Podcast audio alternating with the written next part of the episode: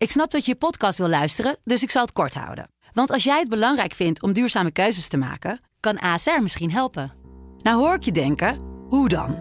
Nou, bijvoorbeeld bij het duurzaam herstellen van schade. Of de premies die we beleggen volgens ons duurzaam beleggingsbeleid. Dat bepaalt waar we wel en juist niet in investeren. Wil je meer weten over welke duurzame keuzes ASR maakt? Ga dan naar asr.nl/slash duurzame keuzes. ASR doet het. Zo, dan kan je nu lekker naar je podcast luisteren. In deze aflevering speelt de Amerikaanse ontvoerder John Jamelski de hoofdrol. Een in zijn ogen gracieuze heer met een bizar repertoire aan misdaden.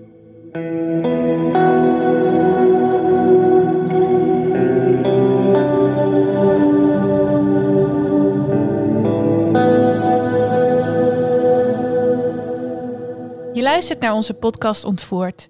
Mijn naam is Maya Noordam en tegenover mij zit Kevin van den Berg. Inmiddels traditiegetrouw duiken wij elke week in een ontvoeringszaak die wereldwijd voor opschudding heeft gezorgd. Wil je beeldmateriaal bij deze zaak? Kijk dan op onze Instagram-pagina Ontvoerd de podcast. Dit is Ontvoerd, aflevering 27, De Verzamelaar.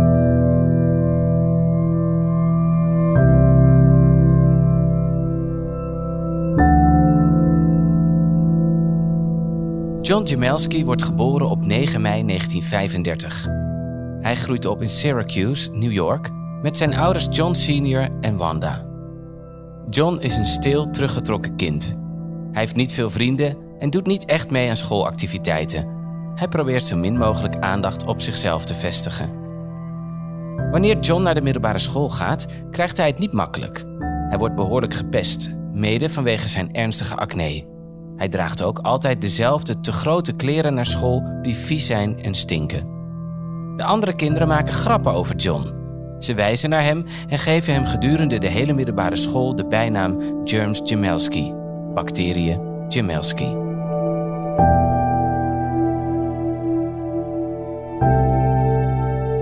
Uiteindelijk gaat John naar de universiteit en haalt hier zijn bachelor. Vervolgens meldt hij zich aan bij het leger 1959 ontmoet hij een vrouw, Dorothy Richmond. De twee krijgen een relatie en trouwen al snel. Ze krijgen drie kinderen en ze leiden een vrij normaal gezinsleven. Op dit punt heeft John het leger verlaten. Hij werkt als sportcoach en zijn vrouw Dorothy als lerares. Ruim 20 jaar later, in de jaren 80, zijn de kinderen uit huis en wonen John en Dorothy weer samen. Dit is het moment waarop Johns excentrieke persoonlijkheidstrekken steeds meer naar voren komen.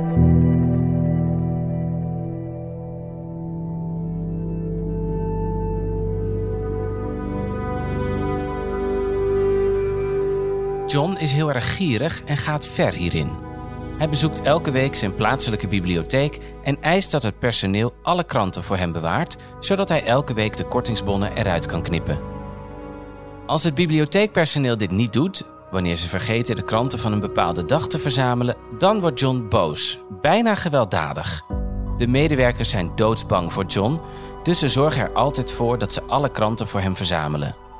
Het is niet dat John het financieel moeilijk heeft en de kortingsbonnen echt nodig heeft. Sterker nog, John Jamelski is een geheime miljonair. Zijn vader is een paar jaar eerder overleden en John heeft heel veel geld van hem geërfd. Daarnaast erfde hij ook veel dure huizen, aandelen en obligaties. En een aantal zeer dure bezittingen, waaronder Tiffany-horloges met een waarde van 40.000 dollar per stuk. John is ook erg slim hij weet zijn erfenis goed te beleggen en verdient veel geld met die investeringen. Ondanks dat geeft hij bijna niets uit. Hij wordt zelfs boos op Dorothy als ze bijvoorbeeld het licht een keer niet uitzet of geen gebruik maakt van een aanbieding in de supermarkt. John is miljonair, maar zijn gezin loopt altijd in oude, vuile, gescheurde kleding.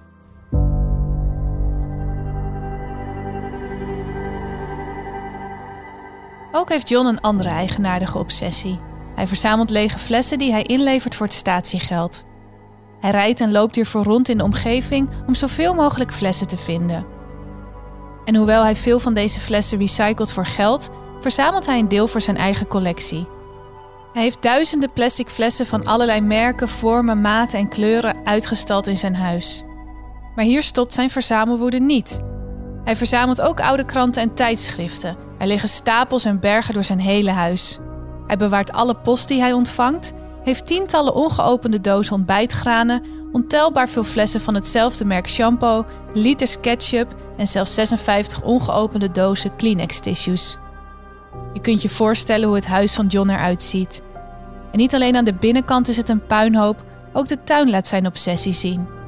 Die staat vol met oude autobanden, wastafels, koelkasten, roestende motorfietsen, verlaten auto's, sneeuwscooters en zelfs twee tractoren.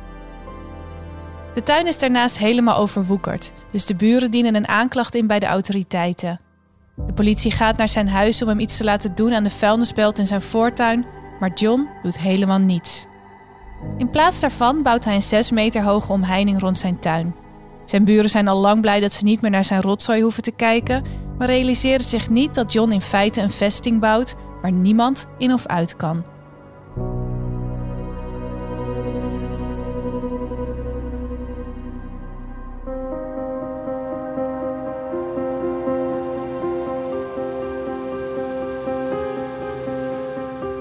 Het wordt 1984. Dorothy, Johns vrouw, krijgt kanker en het wordt duidelijk dat ze niet meer zal genezen. John besluit daarop dat hij dan ergens anders zijn seksuele behoeftes moet bevredigen. Daar heeft hij immers recht op, vindt hij zelf. Hij maakt een midlife crisis door en begint zich vreemd te gedragen. Hij doet alsof hij een tiener is, koopt hippe kleding en luistert opeens naar hip-hop muziek. Hij wil een jonge vriendin krijgen en probeert op deze manier dus tieners aan te trekken. En het lukt hem. Hij krijgt een relatie met een 16-jarig meisje, Debbie. Hij vindt het zelf een hele normale situatie en neemt haar zelfs mee naar huis. John probeert de relatie met Debbie nog geheim te houden, maar dat lukt natuurlijk niet. Want in het huis waar hij Debbie mee naartoe neemt, woont nog altijd zijn doodzieke vrouw Dorothy. Het wordt dus al snel duidelijk wat er aan de hand is en dit veroorzaakt veel spanningen in het gezin. Een van John's zonen slaat hem in zijn gezicht wanneer hij hoort van de affaire van zijn vader. Vanwege alle problemen die zijn relatie veroorzaakt, besluit John de relatie met Debbie te beëindigen. Hij is woest en neemt zich voor dat hij zich niet meer laat betrappen. De volgende keer houdt hij zijn meisjes goed verborgen.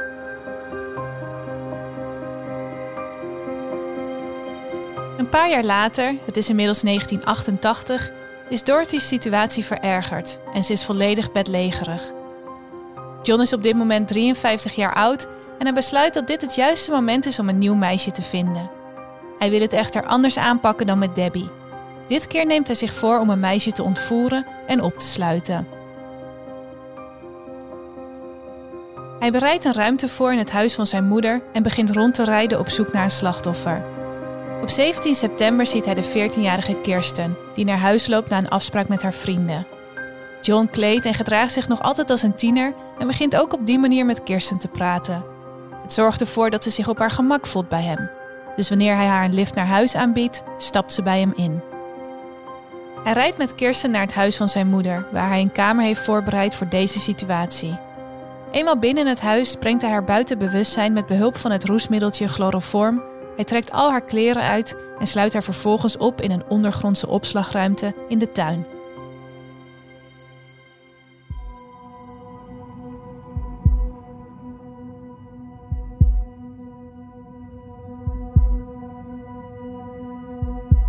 Wanneer Kirsten wakker wordt, bevindt ze zich in een koude, donkere, krappe ruimte die erg stinkt.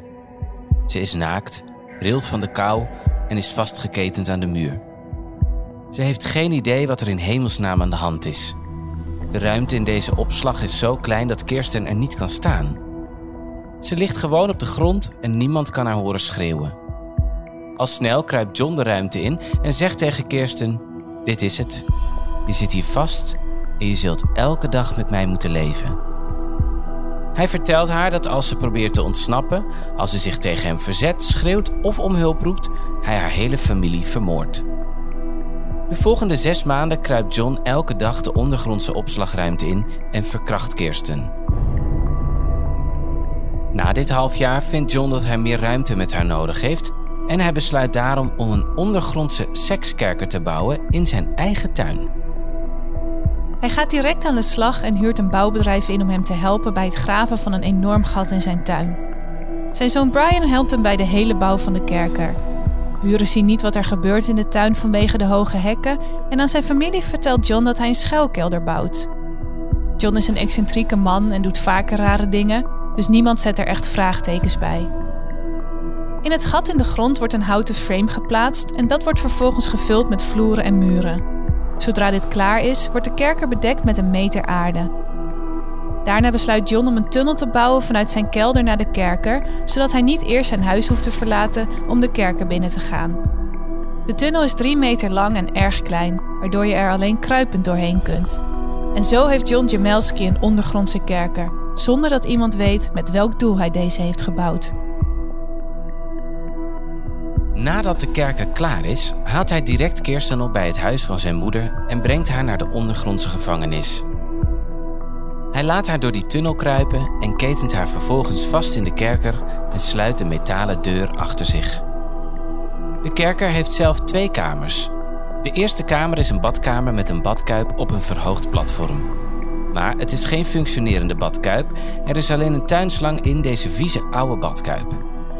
Naast het bad is er een soort toilet dat niet meer is dan een wc-bril bovenop een emmer. De tweede kamer is de slaapkamer. Wat het bed moet voorstellen is eigenlijk gewoon een stuk triplex op de vloer met een schuimmatras erop. Er zijn geen kussens, dekens, dekbed overtrekken, niets. Het is erg vochtig en beschimmeld en het stinkt enorm in de kerker. Er is geen ventilatiesysteem en het is daarom erg benauwd.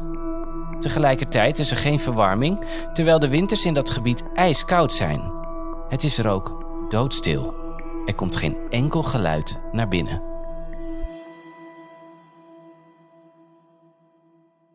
En dit is de plek waar Kirsten nu zit opgesloten. John wil elk aspect van Kirstens leven beheersen. Ze moet een zeer gedetailleerd dagboek bijhouden, van wanneer ze haar tanden poetst en zich wast tot wanneer John haar verkracht.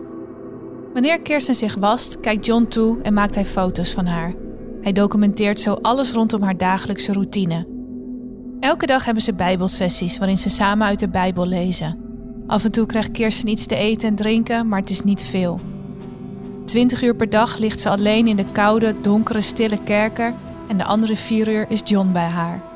Kirsten zinkt weg in een zware depressie. Om er zeker van te zijn dat ze nooit zal proberen te ontsnappen, vertelt John aan Kirsten dat hij deel uitmaakt van een genootschap. Een groep van zeer machtige mensen, waaronder politieagenten, zakenlieden, beroemdheden en politici. Ontsnappen heeft geen zin, ze zullen haar altijd vinden. Hij vertelt haar dat ze zich moet bewijzen aan deze secte door gehoorzaam te zijn. Alleen op die manier kan ze zich opwerken binnen het genootschap en uit de kerken komen.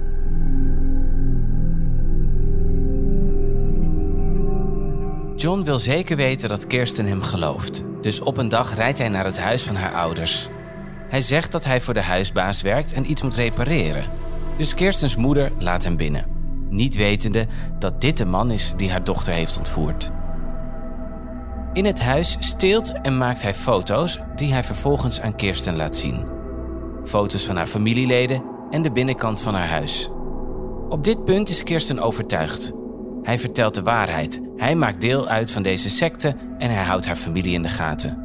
Als ik niet doe wat hij wil, vermoordt hij hen, denkt ze. Ondertussen is Kirsten natuurlijk al een half jaar niet thuis geweest. Haar familie heeft haar als vermist opgegeven, maar vanwege Kirstens geschiedenis met weglopen wordt de zaak niet serieus genomen. John laat Kirsten ook brieven schrijven naar haar familie, waarin staat dat ze in New York zit bij vrienden en pas weer naar huis komt als ze daar zin in heeft. Ook dwingt John Kirsten om naar huis te bellen met hetzelfde verhaal. De politie besluit hierop om de zaak te sluiten. Na bijna twee jaar is John gaan geloven dat Kirsten echt zijn vriendin is en dat ze verliefd zijn op elkaar. Hij besluit daarom om samen met haar op vakantie te gaan naar Californië, een romantisch uitje in zijn hoofd. John's zoon Brian is degene die het stel naar het vliegveld brengt. Kirsten zit geblinddoekt achter in de auto en Brian vraagt aan zijn vader wie ze is en wat ze hier doet. John zegt dat hij op het meisje past omdat ze een eetstoornis heeft en Brian stelt verder geen vragen. Na afloop van het reisje brengt hij haar naar het vliegveld en zegt: Oké, nu ben je vrij om te gaan. Kirsten kan het niet geloven en gaat op weg naar huis. Daar vertelt ze niemand wat haar de afgelopen twee jaar is overkomen. Ze weet niet hoe ze het moet vertellen en is ook bang dat de secte van John alsnog achter haar aankomt. De vier jaar na de vrijlating van Kirsten leeft John, voor zover we weten, zijn normale leven. Dorothy leeft nog, maar zijn moeder overlijdt en John erft nog meer geld.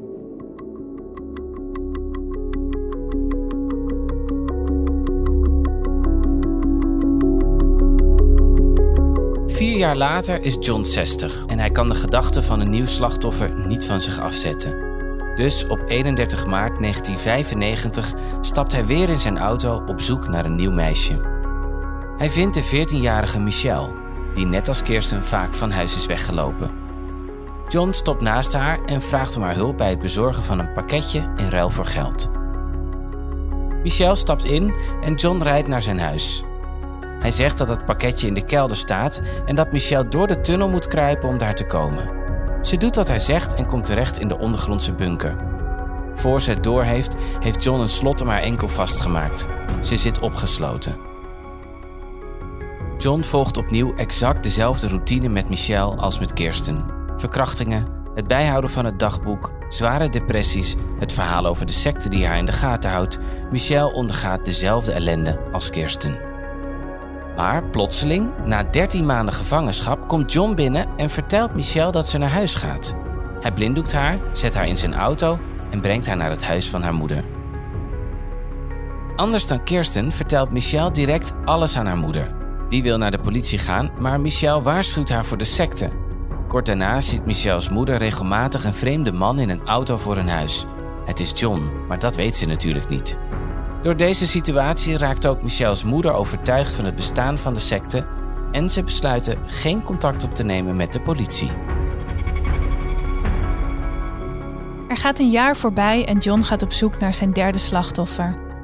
Op 30 augustus 1997 komt hij de 53-jarige Vietnamese Tina tegen.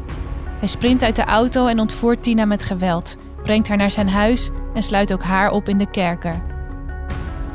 Bovenop alles wat ook Kirsten en Michelle hebben doorgemaakt, moet Tina ernstige psychische marteling van John verduren. Hij legt een levensgroot skelet naast Tina in bed, het eerste wat ze elke dag ziet als ze haar ogen open doet. Ook speelt hij geluiden van schreeuwende slachtoffers af in de kerker, waardoor Tina denkt dat ze niet de enige is. Verder dwingt John haar om een grote stapel spijkers en schroeven te sorteren. Hij is ook een stuk gewelddadiger geworden. Hij slaat Tina een keer zo hard dat hij haar trommelvlies breekt en ze permanent doof wordt aan één oor. Na negen maanden laat John haar gaan en Tina gaat direct naar de politie met haar verhaal. Maar ze geloven haar niet. Tina spreekt slecht Engels en kan niet goed uitleggen wat er is gebeurd. Het is een ongeloofwaardig verhaal, vindt de politie, dus ze sturen haar weg.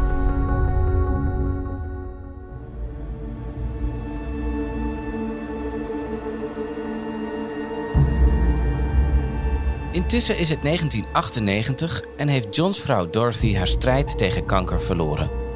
Drie jaar later gaat hij op zoek naar zijn volgende slachtoffer. Op 11 mei 2001 rijdt John weer rond en dan ziet hij een vrouw die hem aan Dorothy doet denken. Het is de 26-jarige Jennifer, die kampt met een drugsprobleem en dus, net als de andere vrouwen, enorm kwetsbaar is. John spreekt Jennifer aan. Ze raken aan de praat en drinken samen alcohol. Jennifer denkt dat ze een nieuwe vriend heeft gevonden en heeft geen idee wat haar te wachten staat. John voert haar zo dronken dat ze flauw valt en als ze wakker wordt, ligt Jennifer in de seksbunker. Alles wat er gebeurde met Kirsten, Michelle en Tina gebeurt ook met Jennifer. Maar zij besluit om terug te vechten en hem te trotseren. Ze vecht en vecht elke keer als hij haar komt verkrachten en ze maakt plannen om hem te vermoorden. Maar John had al nagedacht over deze mogelijkheid, dus de deuren van de bunker zijn afgesloten met een cijferslot. Als hij wordt uitgeschakeld of vermoord door Jennifer, dan kan ze niet ontsnappen. Ze kent de code immers niet.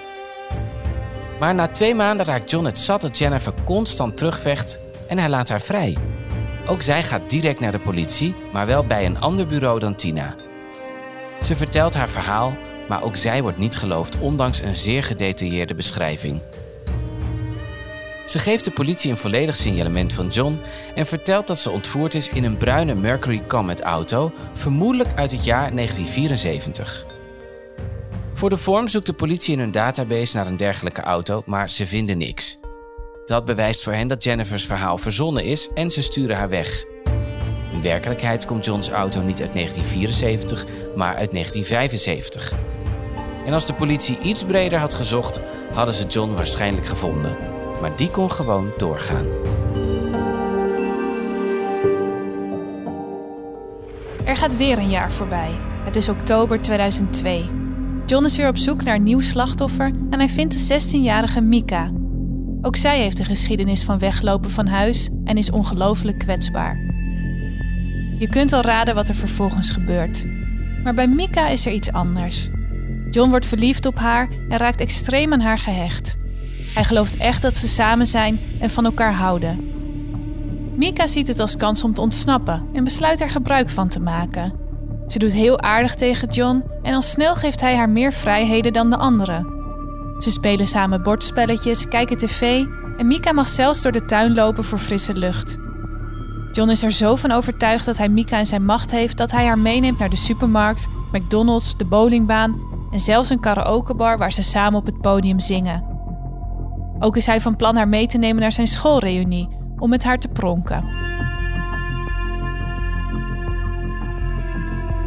In principe heeft Mika zo alle gelegenheid om te ontsnappen. Maar vergeet niet dat zij ook volledig gelooft in het verhaal van de gevaarlijke secte die haar familie doodt als ze probeert te ontsnappen. Ze wacht daarom geduldig haar moment af. Zes maanden na haar ontvoering neemt John haar mee om hem te helpen bij het recyclen van flessen die hij nog altijd verzamelt. Eenmaal aangekomen bij het recyclecentrum vraagt ze John of ze even kan bellen met de lokale kerk. John gelooft haar direct en Mika gebruikt de telefoon van de winkel. Ze belt snel haar zus op en Mika begint verwoed haar zus te vertellen wat er is gebeurd. Voordat haar zus kan reageren, hangt Mika op. Haar zus belt de winkel terug en vertelt de medewerker die opneemt wat de situatie is. Hij hoorde toevallig John tegen Mika zeggen waar ze heen gaan, dus hij belt direct de politie om ze op de hoogte te brengen. De politie neemt het verhaal dit keer wel serieus en gaat naar de winkel waar ze de 67-jarige John Jamelski aantreffen in het gezelschap van de 16-jarige Mika.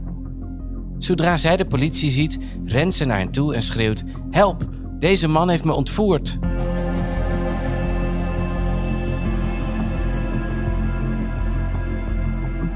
John Jamelski wordt eindelijk gearresteerd. De politie neemt eerst Mika's verklaring af en de agenten zijn in shock. Natuurlijk vanwege haar verhaal, maar vooral omdat ze dit verhaal eerder hebben gehoord. Het zijn dezelfde agenten aan wie Jennifer haar verhaal vertelde. De politie gaat direct naar Johns huis omdat ze bang zijn dat er nog meer slachtoffers zijn. Zonder huiszoekingsbevel trappen ze de deur in en begeven zich naar de kerker. Wanneer ze daar alles zien wat Jennifer heeft beschreven, weten ze dat ook zij de waarheid sprak. Het verhaal wordt groot nieuws in alle media. Op dit moment weet de politie alleen van Jennifer en Mika, dus ze geven de beelden van de kerker vrij om meer slachtoffers te vinden. Ook Kirsten, Tina en Michelle melden zich. Het wordt pijnlijk duidelijk dat Tina niet serieus was genomen bij een eerdere verklaring. Michelle was te bang om zich te melden. En Kirsten, die draagt al 15 jaar in haar eentje een verschrikkelijk geheim.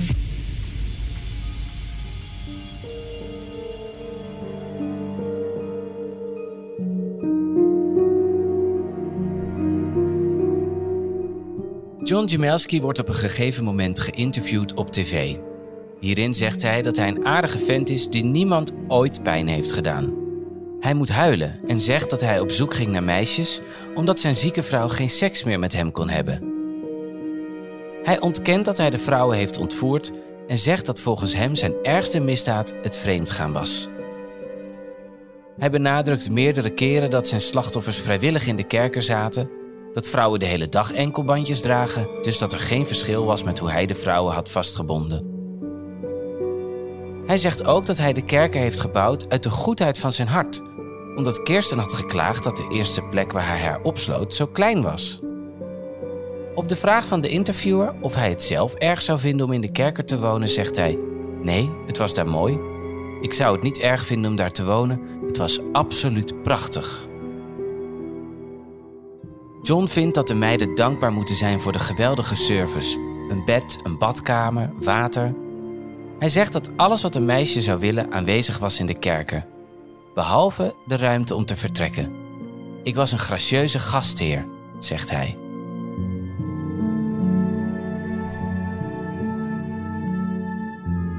John Jamelski wordt beschuldigd van vijf keer ontvoering in de eerste graad. De aanklager heeft een hoop bewijs tegen John. Vijf slachtoffers, hun getuigenis, de kerker en al het bewijsmateriaal hierin. Ze hebben ook alle dagboeken die de vrouwen moesten bijhouden en foto's en videobeelden. De aanklager wil eigenlijk gaan voor de maximumstraf destijds, 25 jaar tot levenslang. Maar de vijf slachtoffers zijn zo getraumatiseerd dat ze willen voorkomen dat ze hun verhaal ook nog eens in de rechtbank moeten doen. Daarom besluit de aanklager een deal aan te bieden, die wordt geaccepteerd door John. Hij wordt daarmee veroordeeld tot 18 jaar tot levenslang. Ook moet hij al zijn bezittingen verkopen en zijn totale vermogen verdelen over de vijf slachtoffers. Zo kunnen zij een nieuw leven opbouwen. John Jamelski heeft al twee keer voorwaardelijke vrijlating aangevraagd, maar dit verzoek is niet gehonoreerd. Hij zit nog altijd vast.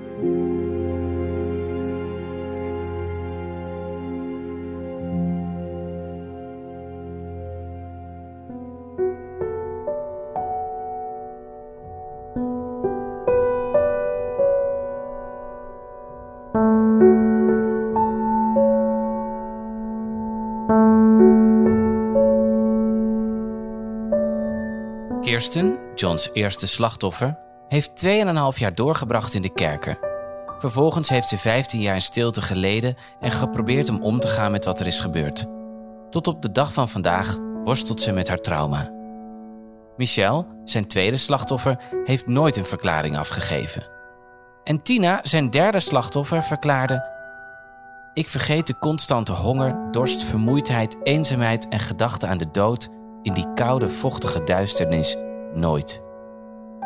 Ik kan niet spreken over de verschrikkelijke dingen die hij mijn lichaam heeft aangedaan. Jennifer, zijn vierde slachtoffer, vertelde: Ik heb vreselijke dromen s'nachts. Ik schreeuw het uit en spring op uit mijn slaap. John Jamelski is een zieke en slechte oude man die mijn vrijheid wegnam, mijn recht om frisse lucht in te ademen en mijn recht om behandeld te worden als een mens. Zijn laatste slachtoffer Mika zei: Je zult nooit in staat zijn om de angst te kennen die ik voelde, de nachtmerries die ik heb en de herinneringen aan hoe ik jouw zieke fantasieën moest vervullen, vastgeketend aan een hek als een hond. Het enige dat me erdoor hielp was mijn geloof elke dag. Ik bad elke dag dat God me zou helpen naar huis te gaan. Je bent de ziekste man die ik ooit heb gekend.